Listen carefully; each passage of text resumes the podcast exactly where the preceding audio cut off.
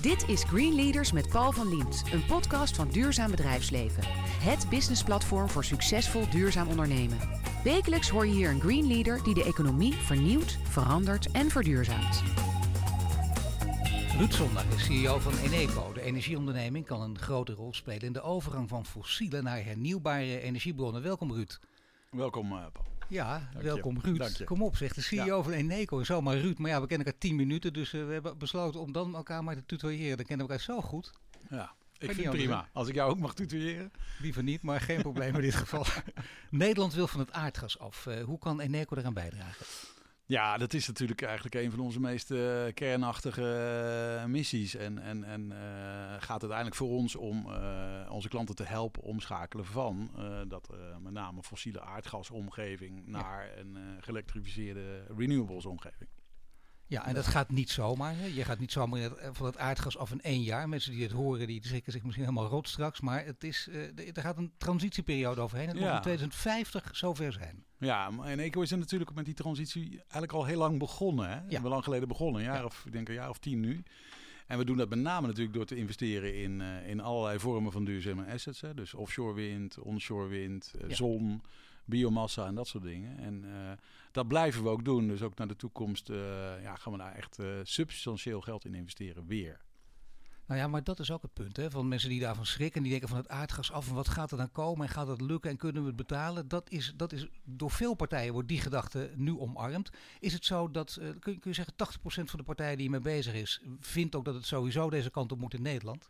Nou, ik, ik denk dat dat, dat, dat uh, ja, over, het is toch een geleidelijk proces zoiets. En ik, ik, wat ik zie is dat de komende, de, de afgelopen jaren, zeg maar, een jaar of vier, vijf, dat is steeds serieuzer een main topic wordt, een mainstream topic. En uh, uh, dat, dat toen in één keer begon te investeren in offshore wind en onshore wind, was dat toch een beetje, ja, waarom zou je dat nou doen? Dat is duur, dat, is, dat zet geen zoden aan de dijk, ja. et cetera.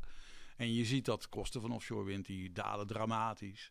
Dus je ziet gewoon, je, je, je ziet gewoon in die zin um, ja, de transitie eigenlijk al plaatsvinden. Maar ben, voor, het zover is, voor het zover is, hebben we toch nog heel lang gas nodig? Of kunnen we er sneller van af dan we denken? Nou, ik denk dat we het nog wel redelijk lang nodig hebben. Ja, dat denk ik wel. En uh, ik denk dat zo'n transitieperiode mensen moeten we ook niet bang maken. Hè, dat het ineens weg is of zo. Maar dat we met, ons, uh, met, met z'n allen ons moeten voorbereiden op die transitie. En stap voor stap minder, misschien wat, wat, uh, wat meer concrete dingen doen en, en niet te veel praten, maar gewoon ook dingen doen. Nou ja, niet wel ja. poetsen, dat merk ja. je wel. Het is ja. heel interessant om daar op strategisch niveau over te praten, daar hele mooie exposés over te geven. Dat gebeurt ook heel veel natuurlijk. En Enorm. dan verdwaal je een beetje ja, ik, in de mist. Ik, ik, ik, raak dan ook een beetje de aandacht kwijt.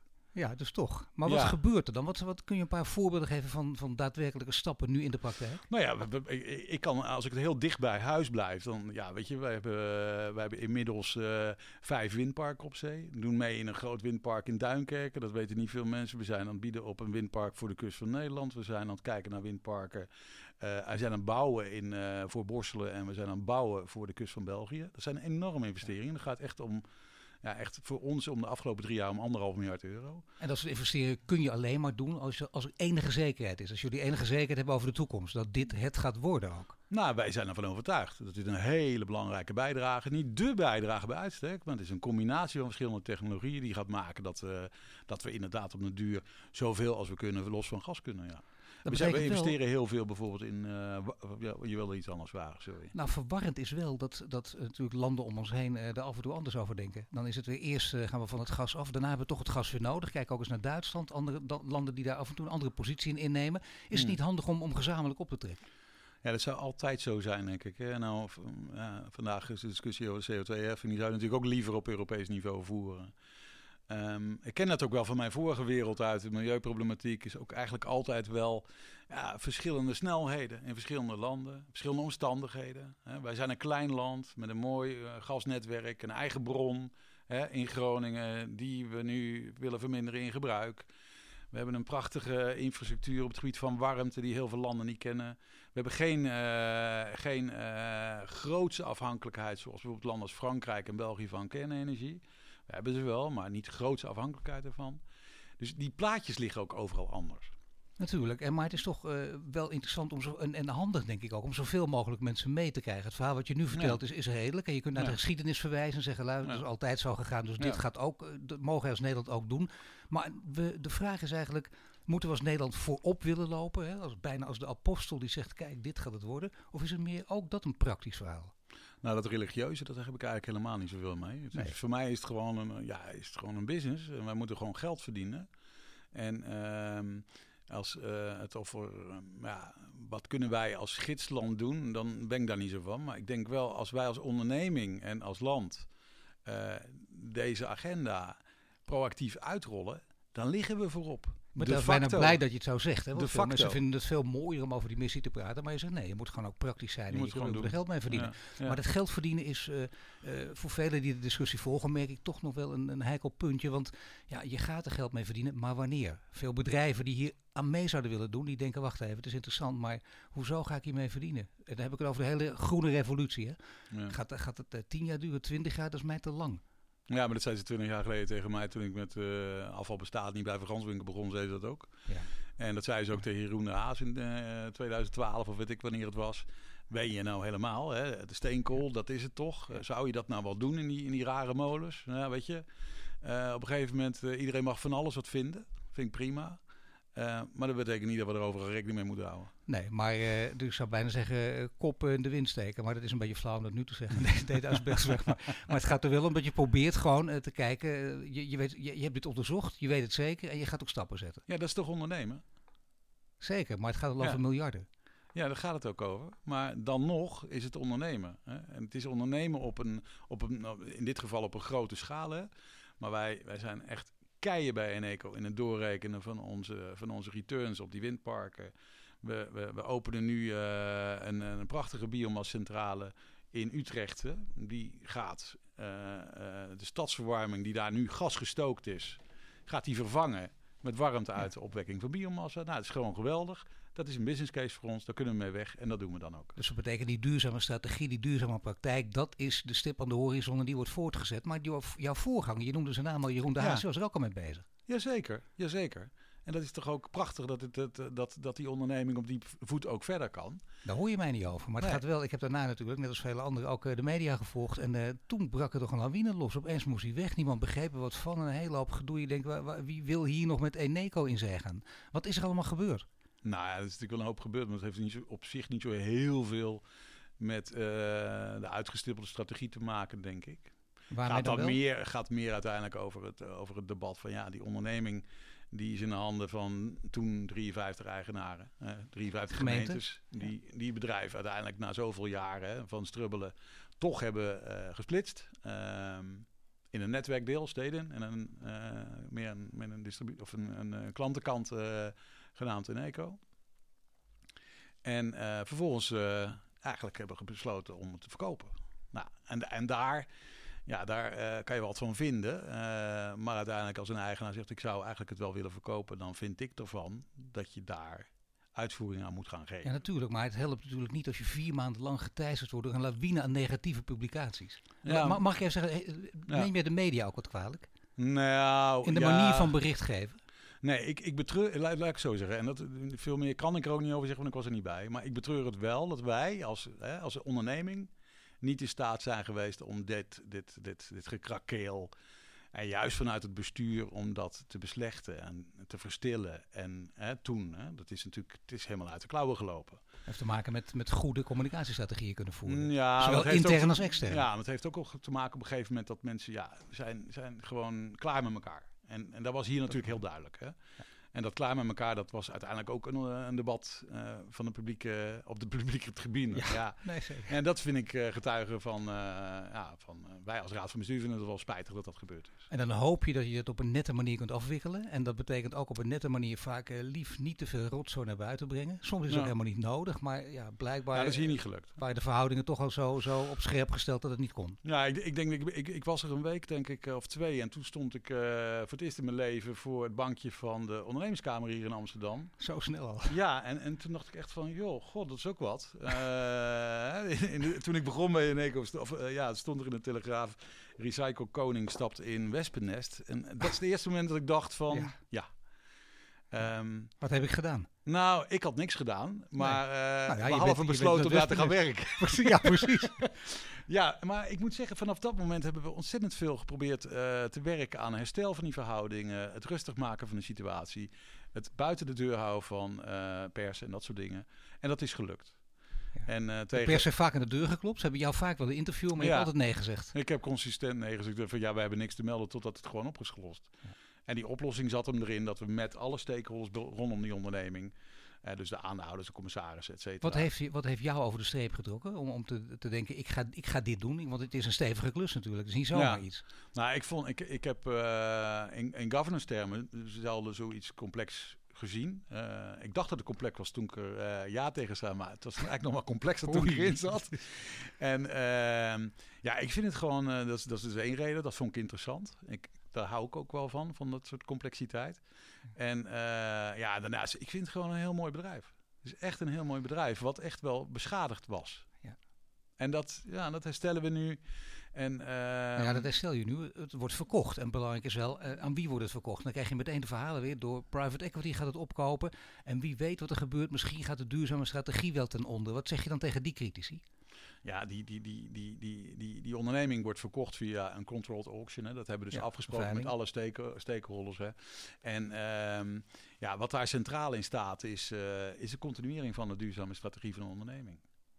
En eh, iedereen die ook daar weer wat van roept en vindt. Ja, ik vind het kakelen allemaal prima.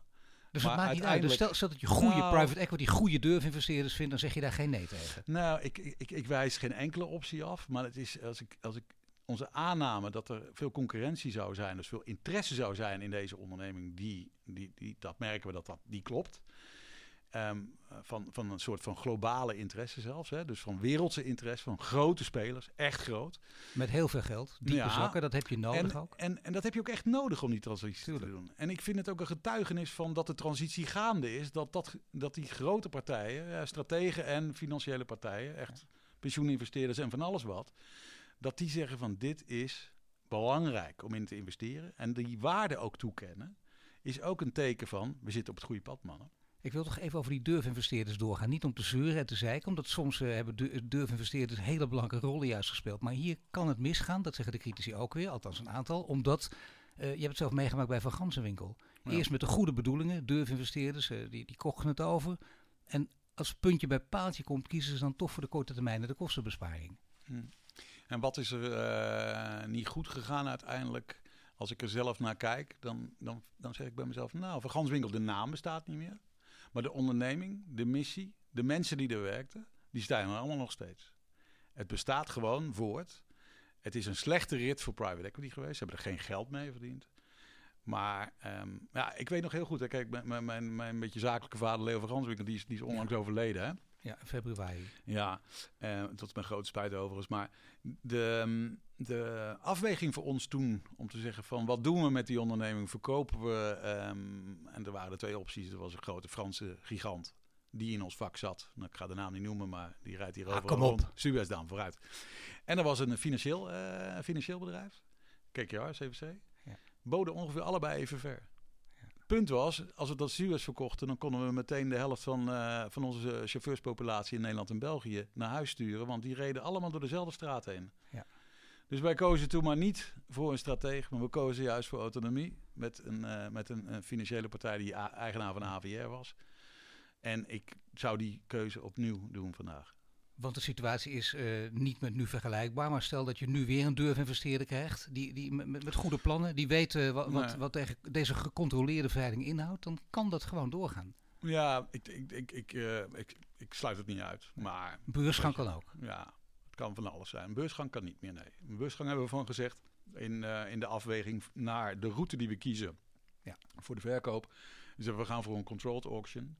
En dat wil niet zeggen dat de beursgang nooit in zicht zou Dat bedoel komen. ik. Hè? De beurs, wat houdt dat Ja. altijd in? Want dat, is dat wordt een ingewikkeld verhaal dan. Dat, eh, nu, zeg je nee, maar bijvoorbeeld over twee, drie jaar zou het weer wel kunnen. Dat zou wel kunnen, maar het proces wat we nu voeren is een verkoop zeg maar in de komende, eh, zeg nou eens in de komende jaren. Ehm, daar is de hoofdroute is een controlled auction. Mocht de marktomstandigheden en dat soort dingen echt fundamenteel veranderen. en er is aanleiding om te zeggen we moeten van pad wisselen, dan zouden we dat altijd kunnen overwegen. Maar het lijkt me niet waarschijnlijk. Maar het is wel mooi, vind ik, in dit verhaal dat je zegt: kijk, wat er ook gebeurt, dat partijen die miljarden hierin willen steken, uh, wie het ook is, dat, dat ze dat willen doen, geeft aan in wat voor tijd we leven. Dat je de wind mee hebt, letterlijk nu. Ja, en het is ook een beetje de wind uit de zeilen van het argument. Ja, en blijft het dan wel duurzaam? Ja. Ik bedoel, iedereen kan de was doen en zeggen van als je veel geld ergens voor iets betaalt, dan is het toch niet, dat is toch een beetje vervreemd als je dan dat karakter van die duurzaamheid onderuit haalt. Je hoort Ruud, Makes no sense. Je hoort Ruud Zondag. Hij is eh, CEO van Eneco. Hij heeft er heel veel zin in natuurlijk. Het is een wespenist, althans dat stond in de krant. Maar hij gelooft er niks van. Hij gaat Eneco tot grote hoogte uh, brengen. Nu praten we verder over zijn persoonlijke drijfveren.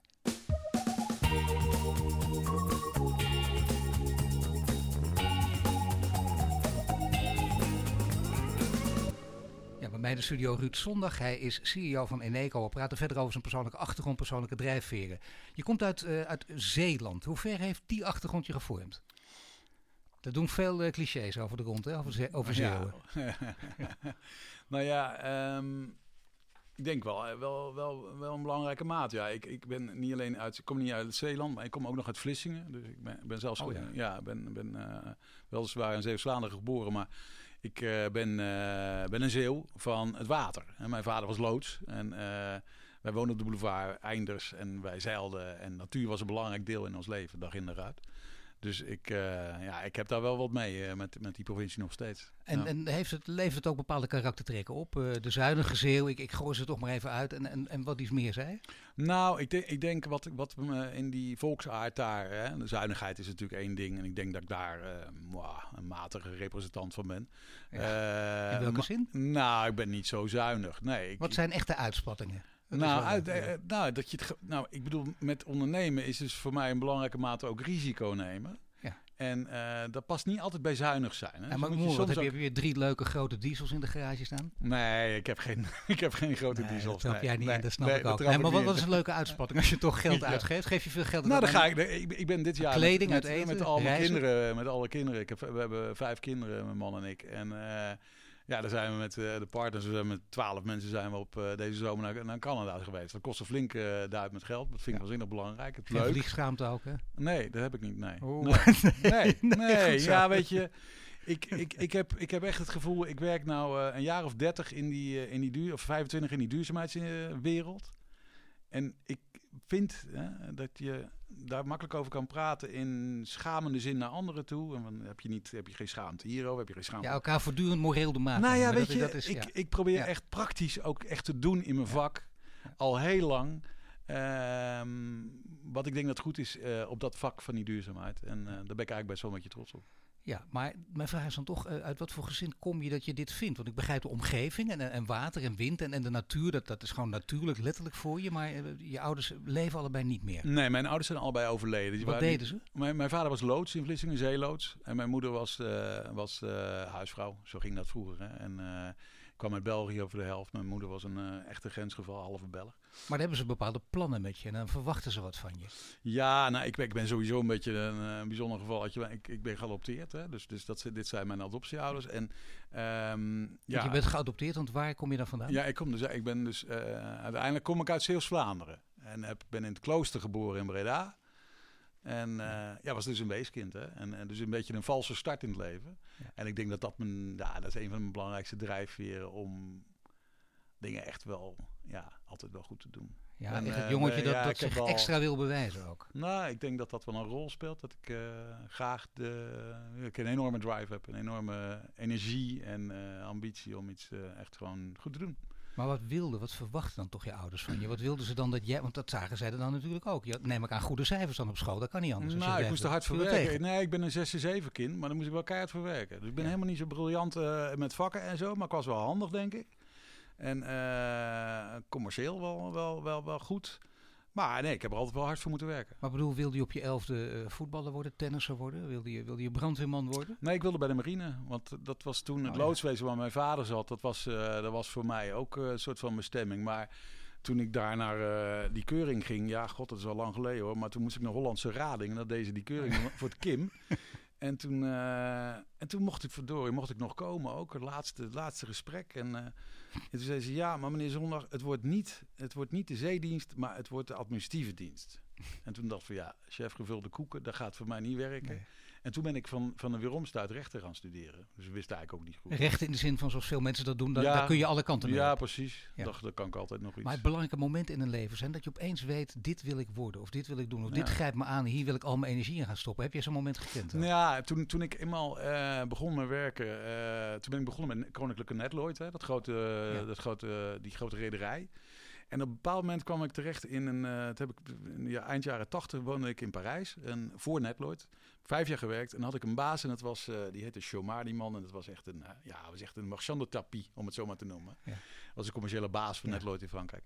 En toen dacht ik van, ja, weet je, dat, dat vak van van het verkopen en eh, aan de man brengen van eh, nou, een oplossing voor hè, de logistiek en dat soort dingen. Dat beviel me waanzinnig goed. En eh, nou, daar, ben ik toen, daar ben ik toen eigenlijk een beetje door gegrepen. Maar dat had, op alle, dat had overal gekund. Dat hoeft niet per se, had niet per se van Ganswinkel hoeven zijn. Nou, dat was ook niet voor Ganswinkel, dat was toen Netloid. hè? Nee, maar ik bedoel Ja. daarna. Dat had niet per se daarna. Nee, ja, nou ja, bij, bij, bij weg van Netloid was na een jaar of twaalf, in elkaar, ik denk dat twaalf jaar gewerkt heb, eh, was eigenlijk naar Verganswinkel, omdat privé mijn omstandigheden zo waren dat ik eigenlijk niet met Netloid mee naar Londen kon. Want dat ging fuseren met Piano Maar je wordt zo geassocieerd, hè? bijna overal, in alle profielen ook over je, met Van Ganswinkel. Dat je Ja. denkt, dat is, dat is altijd de droom van die man geweest. Dat, daar heeft hij naartoe geleefd. Nee, maar dat is ook gewoon niet. via Nee, toeval. nee. Dat het vaak gaat in het leven ook. Hè? Ik heb niet zo'n enorm eh, gevoel voor richting een werk postduif of zo. Het is echt gewoon. Nee.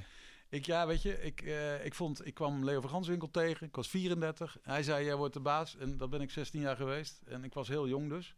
Hij, eh, hij is een stuk ouder al. Hij kon me goed kneden. Ik liet me kneden. En eh, ja, dat is iets moois geworden. En, Wat, wat, wat heb je van hem geleerd? ja, dat is natuurlijk, ja, dat, het was zo'n bijzondere man in de zin van ehm, zijn zelfstartende vermogen, zijn visie die hij al in de jaren 60 ontwikkelde over dit afvalvak waar wij niet van zeggen, joh, circulaire economie en dat soort flauwekul. en hij, hij zei tegen mij, ja Ruud, ik zeg, wat doe je dan? Hij zegt, ik zit in de recyclage. Ik zeg, dat klinkt goed. en dat was, eh, ja, hij was zelf een beetje grensgeval, woonde in Budel, hè, dus Belgisch, eh, België, Nederland. Ja. En, ehm, Maar toch een echte Brabander? ja, absolute Brabander. En, en een man, een echte Brabander. Maar hij zag dat afval een tweede leven zou krijgen. En, ehm, Afval verbranden, energie opwekken. Ja, nou, toen, dat was het toen nog niet. Er waren allemaal stortplaatsen in die tijd. Hè? Er was nog geen één afval. Ja, er waren een paar afvalverbranders. Maar, en, en, en dat greep me. Dat dacht van, verdomd. Dat, dat vind ik nou mooi. Om iets in een commerciële wereld te doen. Waar je ook nog een, een, een, een, een, een- ja, een positieve bijdrage aan de samenleving hebt. En dat, dat, dat is wel wat nu ook mij verbindt bij een eco. Oh, dat is toch die positieve bijdrage. Nou, dat vind ik Niet alleen het commerciële Nee, nee, aspect. nee, nee, nee. Maar dat, dat vind ik uiteindelijk, die combinatie, die vond ik pas daar. Hè? Niet bij Netloid in, die- in die zin, maar die vond ik bij Verganswinkel.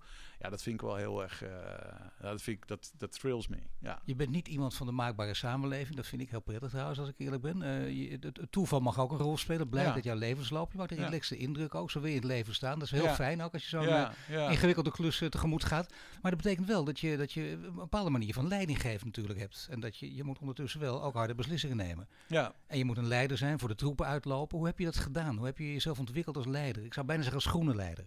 Ja, ja, ja, goed. Ehm, hoe moet ik dat nou eens beantwoorden? Ik heb dat, dat, dat groene leider, dat is meteen ook zo'n stigma waar ik van denk van dat. Nou dat- ja, we dan hebben dit ga je Green Leaders podcast genoemd. Dus Ja, dat weet ik, maar ik, vond- dat zat, las ik ook en toen dacht ik bij mezelf, god, straks gaan ze nog serieus nemen ook. nou, Nee, dank je dus- voor dit dus- gesprek. dus- dus- nee, nee, maar die term vind ik een beetje zwaar. Ehm, maar in het zin van meenemen van mensen, als het daarom gaat. Hè, is uiteindelijk eh, dingen gedaan krijgen van en met andere mensen. Ja. Eh, mensen meenemen, dat kan ik. Maar hoe doe je dat dan? Ja, gewoon. Nou ja, nee, gewoon een, ja, ja, ik ben, niet, ik ben daar niet, ik ben er niet erg. eh, Daar kun je geen boek over schrijven met jou. ik ga ik, nee, je kan met mij sowieso geen boek schrijven. ik. denk ook dat niemand ze zou lezen. Maar, maar het idee dat je eh, met een stip op de horizon eh, en, en, en inspirerend eh, leiderschap, eh, waar je interesse in mensen hebt, dat zijn een paar van die termen die voor mij erbij horen, eh, van op alle niveaus in die onderneming, dat maakt, dat maakt iets eh, waardoor mensen denken van hé, hey, daar ga ik mee mee. Maar je moet ook mensen aan je weten te binden. En, en Ja. mensen weten te verleiden om bij jou te gaan werken. Dat ze niet allerlei leuke hippe start-ups of weet ik veel wat. Dat ze die niet opzoeken. Maar dat ze denken, weet je wat, we willen bij Eneco gaan werken. Ja. Topbedrijf, hartstikke leuk. Hoe ga je dat doen? Nou ja, bij Eneco? Eneco is, is in die zin een bijzonder bedrijf, omdat het een, een mainstream klantenbedrijf is. eh, een assetbedrijf is van, van ingewikkelde hè, eh, investeringen op zee, uh, ingewikkelde biomassacentrales en dat soort dingen. Maar ook een bedrijf is waar we veel aan ventures doen. En, en, en dus ook interne ventures hebben. Dat zijn hele andere mensen, start-up-achtig. Ja. Die mogen ook in kleine, afzonderlijke eenheden met elkaar werken. Ja, dat, dat, dat, dat, dat is ook zo georganiseerd. En dat maakt ook wel dat het een beetje een bijzondere populatie is. Hè? Dus dat zijn, dat, als, als samenstel. Dat is, dat is wel heel mooi hoor. Dat werkt goed, een soort goed ecosysteem daar. Ja, nu is het wel belangrijk, ik zeg niet alleen om ze aan te trekken, maar ook om ze, om ze bij elkaar te kunnen houden, uh, vast te kunnen houden en lang met ze om te gaan. Dan, dan is luisteren speelt een grote rol. Ja. En dat zeggen CEO's al vaak, maar CEO's die echt kunnen luisteren, dat is nogal lastig. Hè? Die zijn toch gewend om te zenden, of niet? Nou, ik denk dat dat ook wel een van de kenmerken van, van menig CEO is inderdaad. zenden. En ik denk ook wel van mij. En niet, niet alleen op de werkvloer, maar ook thuis. Ja. Maar ik, ben, ik denk dat, dat, uh, dat voor, voor mij hè, is, is uh, zo'n bedrijf voortrekken. Uh, ik kan natuurlijk heel lang praten over missie, strategie, meeslepend met z'n allen denken over de toekomst. En nou, bijna, hè, um, nou ja, echte vergezichten. Nou, laten we ik zeggen, de Paul Polmannen van deze wereld. Ja, ik ben wat meer schiet je dan een beetje in de lach als je die nou, verhalen hoort? Ook al neem ik het serieus. Nee, maar... ik heb het niet over Paul Polman. Ik bedoel, ik heb daar nooit voor gewerkt, ik zou het niet weten. Het type. Hè, het ja, type. ja, vind ik ook interessant dat je die uitnodiging doet. Maar ik, zou, ik, ik heb er geen mening over. Ik, ik ben een beetje van 20% strategie, 80% ja. executie. En niet 80% uh, strategie en 20% executie. Maar dat mag dus ook wel eens wat misgaan. Ja, dat hoort bij executie. Dat hoort er inderdaad ja, bij. Ja, maar gewoon goed, maar dat risico nemen ja, dus. Ja, ja. Is, is het een heel ander bedrijf? Want dat, dat, dat dachten mensen ook. Hè? Dan gaat hij van Van Ganswijk naar Eneco, dat is iets heel anders. Nou, er zijn natuurlijk heel veel parallellen, lijkt me ook. Ja, er zit, als, als je het hebt over zeg maar zeggen, die maatschappelijke bijdrage. Hè? Het is meehelpen een transitie, of het nou grondstoffen zijn of het is energie. Het zijn allebei transities. Ja, dat is de parallel. Hè? Um, waar, het, waar, het, waar het in verschilt is toch, uh, ja, ik, ik denk dat, dat Eneco uh, in de, in de capex-zin, zegt in de zware investeringszin, echt veel verder is dan Frans Winkel was. Hè. Dat was natuurlijk veel meer rollen materialen en dat soort dingen. Hier gaat het om echt grote investeringen. Dus daar zijn ook andere dingen die van belang zijn. Als het gaat om uh, commercialiteit, uh, ja, is het, vind, dit, dit, dit kan, dat kan beter. Dat kan beter. En, da, da, en daar zijn we ook aan het werk. Om dat ah, te kijk doen. aan, wat kan er beter? Geef nou, gewoon, ja, dat, dat, we, dat, we, dat we echt gewoon ook dingen doen en dingen maken. Uh, zal maar zeggen, diensten en producten voorstellen aan klanten. Waar klanten van zeggen, dat wil ik hebben. En, uh, ja, maar dat, dat is dat makkelijk gezegd, maar hoe doe je dat dan? Nou, dat doe je door te focussen. Hè? Op, op, op, op, op, dat je bij wijze van spreken geen twintig dingen hebt. Maar je zegt, nou, ik ga er met drie dingen, ga ik echt heel erg fundamenteel aan de slag. Ja. Een van die dingen bij ons is dus bijvoorbeeld e-mobility. Dat hebben we echt heel erg kern gemaakt. Hè?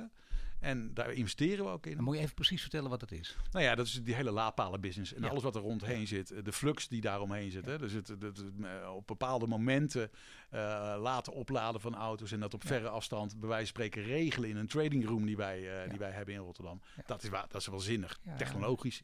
Prachtig. Dat is een hele grote wereld. Hè? Die elektrificatie neemt, gaat maar vooruit. Gaat maar vooruit. Er komen allemaal nieuwe modellen elektrische voertuigen. We willen daar echt bij zijn. Ja. Nou, dan, dan als je dat echt wil doen, dan moet je fundamenteel ook daar uh, fondsen voor vrijmaken en je beste mensen. Nou, dat hebben we gedaan. Ja, en dus dan... dat is focus. En dan help je Nederland omschakelen. En dat is ook een beetje onze thematiek, hè? Uh, ook, ook, onze uh, reclamecampagne die we, die, we, die we zo rond de kerstdagen hebben gelanceerd, die gaat daar ook over. Hè? Hoe gaan wij nou Nederland? Hoe zijn wij nou de hulp voor het gemiddelde huishouden van uh, Nederland om om te schakelen van waar ze nu zijn naar de toekomst. Nee, dit is heel duidelijk. Dit heeft dit of inderdaad te maken, meer te maken wat je nu zegt, ook met leidinggever dan met manager. Dit is echt het idee. Hier sta je ja. achter, hier ja. sta je ook voor de troepen. En hier ja. zeg je, deze kant gaan we op en je beste mensen bij elkaar zetten. Uh, dan komt er natuurlijk toch wel eens kritiek. Want dan denkt de een, waar ben ik, hoor ik niet bij die beste mensen? Of uh, uh, heeft hij wel gelijk dat we die kant op gaan? Want dat is normaal. Er zijn over een kritische geest en die moet je ook om je heen verzamelen. Heb je zo'n kritische geest thuis ook, in de, in de vorm van je partner? Ja, nou, dat, is, dat, dat is wel zeker. Mijn, mijn, mijn partner werkte bij de Nationale Politie, dus dat is weer een hele andere oh, omgeving. Hè? Dus, oh, dus, dus, die is de baas thuis. Ja, die is zeker de baas. maar uh, nee, nee, dat is, dat is, dat is uh, zeker. Ik heb, de, de, de, natuurlijk heb ik een kritische omgeving rond me heen. Uh, maar niet, dat is mijn, zijn mijn collega's, mijn thuisfront. Um, ja, dat is ook nodig. En waar, waar is dat vooral nodig? Hoe bedoel je? In welke... Nou ja, je zegt dat is ook nodig, die kritische geesten, die heb ik ook nodig om me heen. Want nou, het scherp, misschien ook wat... Nou, het, het scherpje. Het scherpje nee, dat is logisch, maar ik bedoel meer eigenlijk nog, uh, geef eens een zwak punt prijs. Of je denkt, ja, daar moet wel aan gewerkt worden. Nou, als ik, als ik op een bepaald moment uh, nadenk over een bepaalde richting die we zo op zouden moeten, dan, dan kan ik daar wel vrij meeslepend en uh, uh, soms ook wel een beetje drammerig misschien over hey. uh, tekeer gaan. Hè? Had ik niet verwacht. Nee, dat dacht ik al dat jij niet dacht. dat heb jij handig uh, gemaskeerd in dit gesprek. ja, ja, Tot nu toe. nou, en, en dan is het natuurlijk goed als, ook, ja, als je daar ook met z'n allen de weg weer in vindt. Maar ik moet wel zeggen... Dan zegt er iemand even wachten. Nee, echt, de CEO van Eneco, er komt een iemand naartoe en die durft dat gewoon te zeggen. Ja. Zeg, luister, dat was een veel te drammerig betoog, jongen. Oppassen, duurde ook veel te lang en hartstikke leuk, maar het werd een beetje te zweverig. Ja, nou, zweverig zullen ze niet veel snel van mij zeggen. Nee, nou goed, nee, maar nee, iets wat in die richting gaat. Te veel, te, veel te, te, dromerig. Nou, nee, ja, dat, dat, dat, dat, ja ik, ik, ik denk dat ze zullen zeggen, ja, het punt is nou wel duidelijk. en dan, en dan wordt ze niet een week later de wacht aangezegd. Nee, nee, nee, nee. Aan het woord is Ruud Zondag. Net spraken over zijn persoonlijke drijfveren. Zo praten we verder over zijn visie op de actuele ontwikkelingen rond duurzaamheid.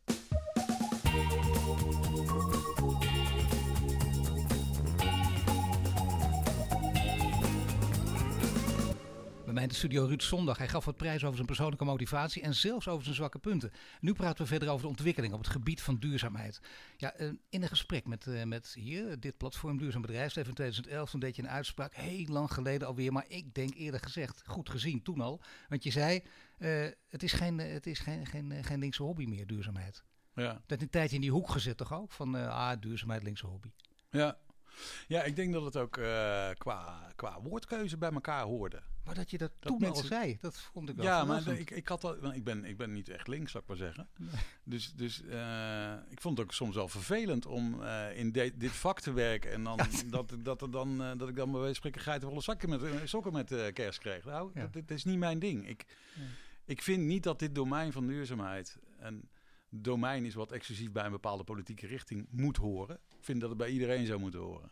Dat is best gevaarlijk eigenlijk, ja. Dat het gewoon bij die club ja. hoort. Want dat betekent ook dat weerhoudt heel veel mensen die er ook interesse in hebben, heel goed zijn, die weerhoudt zich om, om zich hierin in te begeven. Hoe komt het, denk jij, dat, je, dat, dat het helemaal veranderd is? Ja, Mijn dus, idee is dat de ja. tijdgeest anders is. Ja, nee, ik denk de, de tijdsgeest is anders. Uh, het besef dat, uh, dat die duurzame omgeving uh, ons verder zou helpen. Uh, bij het oplossen van problemen die ja, de klimaatagenda betreffen en noem het allemaal maar op. Um, dat is denk ik wel gewoon doorgedrongen. Hè? het besef dat elektrificatie de toekomst is van, van onze economie in Nederland, maar wereldwijd, is doorgedrongen. En ik denk dat Um, ik denk dat dat goed is. Nou, en laten we zeggen, politiek gezien komt natuurlijk toch kritiek hè? uit de hoek van uh, Forum voor Democratie. Het is niet alleen maar onzin. Het wordt niet alleen maar, het wordt af en toe met, met, met het simpele quotes gebracht, maar er wordt ook serieus door critici nu weer wat druk uitgeoefend. Ja. Is, dat, is dat, denk jij, achterhaald gebied of moet je er ook naar luisteren? Dan moet je zeker ook naar luisteren. En aan het eind van de dag hè, uh, vind ik gewoon dat dat, dat, je, dat je op een gegeven moment moet zeggen van nou, we gaan gewoon bepaalde dingen doen. Laten we nou gewoon bepaalde dingen doen die sens maken. He, ik, ik, kan je een voorbeeld noemen. In, in, in, in, in Nederland, wij zijn de grootste leverancier van warmte aan de huishoudens. Op veel plekken wordt dat gestookt met gas. Er zal toch niemand zeggen dat het een slecht idee is om die gaskraan uit te zetten en de warmte uit grote industrieën in Rijnmond te ontsluiten en die nee. te gebruiken om het water wat in die pijpen zit te, gebru uh, te gebruiken in plaats van met gas. Dus ja, weet je, er zijn soms dingen waarvan van dat is echt een verduurzamingsslag. It makes absolutely sense. En dan heb ik het daar liever over dan een soort van ja, windmolenstrijd, zou ik maar zeggen. Nee, dat is zeker. Ja, want dit is zo'n heel praktisch voorbeeld. Maar in, in bredere groot, zin. Heel groot. Ja, heel natuurlijk. groot Nee, voorbeeld. zeker. Maar ja. ik bedoel praktisch meer in, in, in vergeleken met, met bijvoorbeeld uh, geopolitiek. Je kunt ook zeggen, kijk, hè, zoals we straks naar het gas af zijn, hebben we ook lekker niks meer met die Russen te maken. Dat is toch heel fijn. Ja, nou, geopolitiek, dat, dat, uh, dat heb ik in mijn verleden bij die circulaire economie erg gemerkt. Dat slaat in Nederland eigenlijk helemaal niet zo aan. Het ging toen over fosfaten. En dat wij geen fosfaten in heel Europa te zeggen. Uh, we hebben geen fosfaten. Nou, bij fosfaten daar groeien dingen mee. En dat halen we dan uit een paar plekken in de wereld. En ja, dat is echt geopolitiek. Denk je niet, stel dat jij zegt, als je Eneco de, de kans geeft, nog meer dan nu, als wij heel veel geld krijgen, hebben we straks niet met die Russen te maken. Zou dat niet een mooie slogan zijn? Ja, ik, ik, ik dat slaat niet nee, aan. Nee, dat slaat bij mij niet zo aan. Nee, nee, nee, nee, nee, nee, nee, nee. nee. nee. Nee, dat is uh, nou, toch interessant. Maar is het wel waar? Nee, ik denk niet dat het waar is. Ik denk dat, dat, dat ook in die transitie we gewoon gas uh, nog steeds op een bepaalde mate nodig zullen hebben. Kijk, wereldwijd het uh, trend van elektrificatie wereldwijd is ongeveer 20% nu, hè, elektrisch, gaat naar de helft toe. Dat is een enorme wijziging. Is dat een, En in, in die transitie zullen we zeker ook in Nederland hè, ook nog steeds gas nodig hebben. En dat zullen we ook gebruiken. Maar dat wordt gewoon steeds minder en dat is gunstig. Dat is goed. Wat vind je van, van de, de politieke discussie over het klimaat en de klimaattafels? Alles wat eruit komt, alle partijen bij elkaar, het gepolder, het gekrakeel. Ja, nou dat is natuurlijk een manier van, uh, van uh, de zaak benaderen die gekozen is. En, uh, en, en tot groot enthousiasme bij alle partijen op tot op een bepaald moment. Hè? En toen was het enthousiasme ineens weg. Het begon ja. te gaan over de beurs van de individu. En dat is natuurlijk wel echt een luik wat men gemist heeft, vind ik. Dat vind ik echt wel. Want het is ook wel jammer dat als je zoveel enthousiasme hebt en ineens is de, ja, de geest uit de zak en uh, krijg hem er maar weer eens in. En krijgt dat enthousiasme weer eens terug bij iedereen. Uh, dat vind ik wel heel erg jammer. Hè? Dat, maar dat is meer de, nou, dat is meer de, ja, um, de, de, de, de waarde van uh, enthousiasme in dingen. Hè? Maar kan het toch niet anders in Nederland vanwege het gepolder? Alle partijen die zich ermee bemoeien? Ja, nou, ik denk ook wel dat, dat die weg uiteindelijk, hè, zoals die nu uitmondt in een CO2-heffing, die we natuurlijk veel liever op Europees niveau zouden zien dan alleen maar in Nederland, dat is allemaal zo, uh, wel de weg naar voren is. Ja, de CO2-tax voor bedrijven, dat ja. is een goede zet. Nou, ik, ik, vind, ik vind dat dat een goede zet is, ultiem. En ik had hem veel liever op Europees gebied gezien. Ik hoop dat anderen die ook zullen uitsluiten. Of aan, dat andere landen zullen aansluiten. En dat is met name gedreven vanwege de vestigingsagenda in Nederland. Maar ik vind ook, ik kom ook uit een wereld waar de vervuiler betaalt. Ja, nee, dat is waar. Maar En- dat is. ja. nee, Ja. ja. Ja. Nee, natuurlijk. Maar er zijn eigenlijk mensen die aan die tafels die uit hele andere werelden komen. Die hadden gedacht, dit gaat niet lukken. Mark Ja. Rutte heeft ook heel lang gedacht dat het eh, niet zou gebeuren. Maar die is ook behoorlijk wendbaar. Die zou zo bij jullie kunnen werken, denk ik ook. Ja, Mark die... De eh, commerciële ja, afdeling. Ja, die is op de commerciële afdeling. Nee, of flauw, dat weet ik niet. Nee, dat, ik denk die, die, die, die, eh, die uiteindelijke uitkomst, hè, zoals die dan nu lijkt te gaan worden, hè, is dat we toch naar een bepaalde mate van heffing gaan, dat die gewoon de goede uitkomst is. En, en dan zullen we moeten zeggen dat geld wat daarmee naar binnen komt, daar moeten we dan echt investeren in hele concrete dingen, die Nederland duurzamer maken. Maar zou je een paar voorbeelden kunnen geven? Ja, Waar ik- zou je moeten investeren? Nou, ik noemde de een, dat, dat, dat voorbeeld net al. Een booninfrastructuur eh, tussen, eigenlijk bij wijze van spreken, van Rotterdam naar Den Haag. Waar wij nu echt aan het werken samen zijn met Ja. een aantal andere grote partijen. Om die warmte-rotonde in, in, in, eigenlijk in dat deel van de Randstad rond te krijgen. Is zo'n enorme majeure stap voorwaarts. Om, om residuele warmte van de grote industrie in, eh, in, in het comple- Nee, zeker, maar ik wil er graag nog een paar horen. nou, eh, zoals wij nu aan het bouwen zijn aan verschillende windparken op zee. Er zijn natuurlijk enorm, nogmaals, het zijn grootse investeringen. Dus wij doen echt onze, eh, onze utmost om dat te doen. En we denken dat er nog, nog veel meer ruimte moet komen voor dat soort assets. En daar moet de overheid bij helpen. De overheid moet erbij helpen, maar wat kan de overheid doen? Hè? Het, het, het zogenaamde faciliteren. Wat is het belangrijkste voor jullie? Waar zetten jullie vooral op in, in de discussie met de overheid? Nou ja, op, op, eh, op dit soort projecten waar, eh waar somtijds een, een onrendabele top op zit. Omdat we nog niet weten hoe snel iedereen gaat aansluiten op zo'n warmtenetwerk Dan krijg je bijvoorbeeld. dat iedereen gaat roepen, zie je wel, dat werkt alleen met subsidies. Je Ja. wilt toch los uiteindelijk van die discussie? Ja, maar eh, kijk dan naar eh, wind op zee. Die subsidie is zo hard gedaald. Ja. En eh, zit nou op een niveau waar wij zelfs een beetje van denken van... nou, blijft dit wel een rendabele business op de lange termijn? Want hij gaat naar nul toe, een beetje die subsidie. Maar de gedachte dat technologie verbetert door de tijd heen... en dus tot kostenprijsverlaging leidt... is denk ik een hele valide, ook in onze industrie. En eh, ja, daar, daar, kan de, daar kan de overheid echt een rol in vervullen. Om daarmee te helpen. Hoe over betrouwbaar is de overheid als partner? Nou, in Nederland vind ik eh, erg betrouwbaar. Ja? Ja, vind ik wel. moet ik ben niet zo'n zeggen- klager. Nee. Nou nee, niet om te klagen, maar meer eh, om, om gewoon misschien wel de overheid te verbeteren. Dat je denkt, ik hoor zoveel CEO's juist roepen. Eh, ja, we weten het niet, want over vier jaar vinden ze weer wat anders, over twee jaar weer wat anders. En we willen weten waar we aan toe zijn. Tenminste een horizon van, jullie hebben ook die lange termijn horizon. Ja, maar je zou kunnen zeggen, goed, in Zuid-Europa waren die overheden met zijn subsidieregimes in staat om eh, op subsidies die voor 15 jaar gegeven werden, ze ineens te halveren tot 6, 7, 8 jaar. Ja. Dat hebben we hier nooit meegemaakt. Nee, Dat is echt de instabiliteit. nee. Nou, dus heel Europa, dat gaat niet lukken, als ik jou zo hoor ook. Heel Noord-Europa wel, maar Noord- en Zuid-Europa bij elkaar. Nou ja, dat dat, dat, ja, dat ging natuurlijk over solar, in de, met name in Italië en Spanje. Ja. Die subsidieregimes waren zo riant. ja, dat- dat is-. Ze moesten toen terug. ja, ja, dat is... Eh, dat is hier niet gebeurd. Nee, maar goed, we hebben hier natuurlijk een discussie over de zonnepanelen. En eh, dan eh, ja, op een gegeven moment kan het gewoon niet meer. Hè? Ja, nou, wat bedoel je dan? Wat kan dan Nou ja, daar wordt er ook eh, enorm veel subsidie opgezet. En dan wil iedereen opeens zonnepanelen. De zonnepanelen zijn niet aan te slepen. Ja, en dan, dan is het subsidiepotje Nou, eh, op. En daar was het niet voor bedoeld. En wat je dan ziet vervolgens, is dat die subsidies naar beneden gaan. Ja. En dat, dat, dat zien wij dus ook in, op windgebied. Dat zien we ook op... Nou, dat zien we toch ook op bijvoorbeeld uh, de subsidies die op uh, duurzame voertuigen, uh, dus ja. auto's, dat, zie, dat zien we ook naar beneden gaan. Ik denk dat het goed is. We moeten wennen. Zo, zo zie ik subsidie ook. Je helpt systeem in, in, ja, in gang.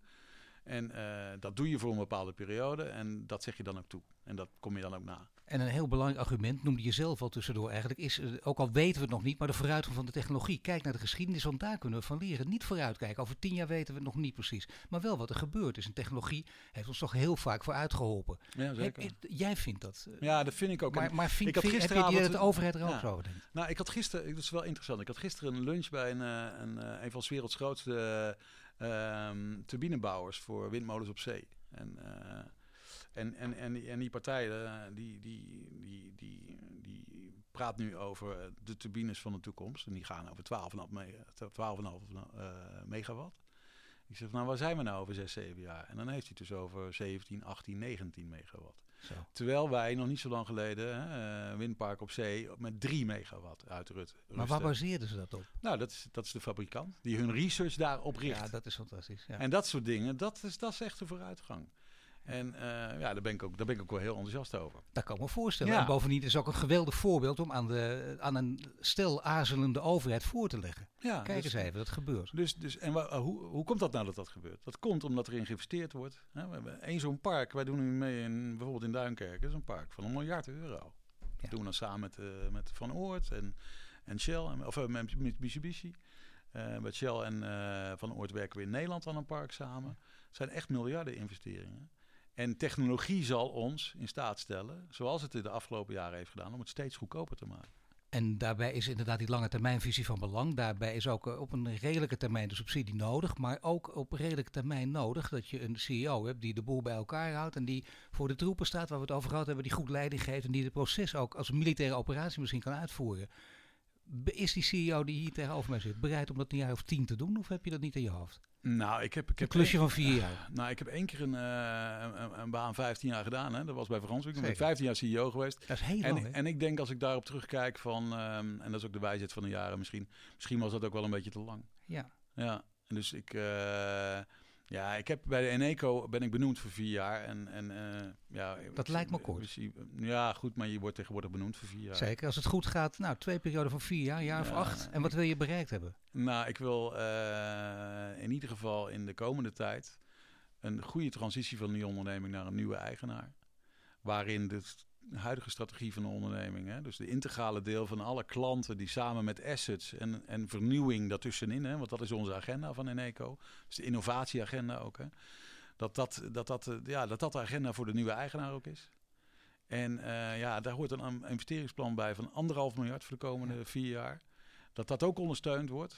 Ja, als we dat kunnen bereiken in de komende twaalf maanden, ben ik heel Dat is heel mooi en is het dus heel belangrijk ook wie die nieuwe eigenaar wordt. Ja, en uh, ik denk dat jij in dit gesprek uh, dat niet gaat vertellen of niet wil waar je voorkeur ligt. Maar heb je wel in je hoofd een voorkeur die je nog niet naar buiten brengt? Nee, ik heb eigenlijk geen voorkeur, nee. Nee. Ik, ik, Ze zijn allemaal even lief. Nou, nee, dat, dat, dat is helemaal niet het criterium. Het criterium is niet alsof mij lief zijn, maar het criterium is of ze die onderneming inderdaad met Nou die ja. strategie zoals die loopt uh, willen ondersteunen. En, en ik heb alle reden om aan te nemen dat er een aantal zijn die dat willen.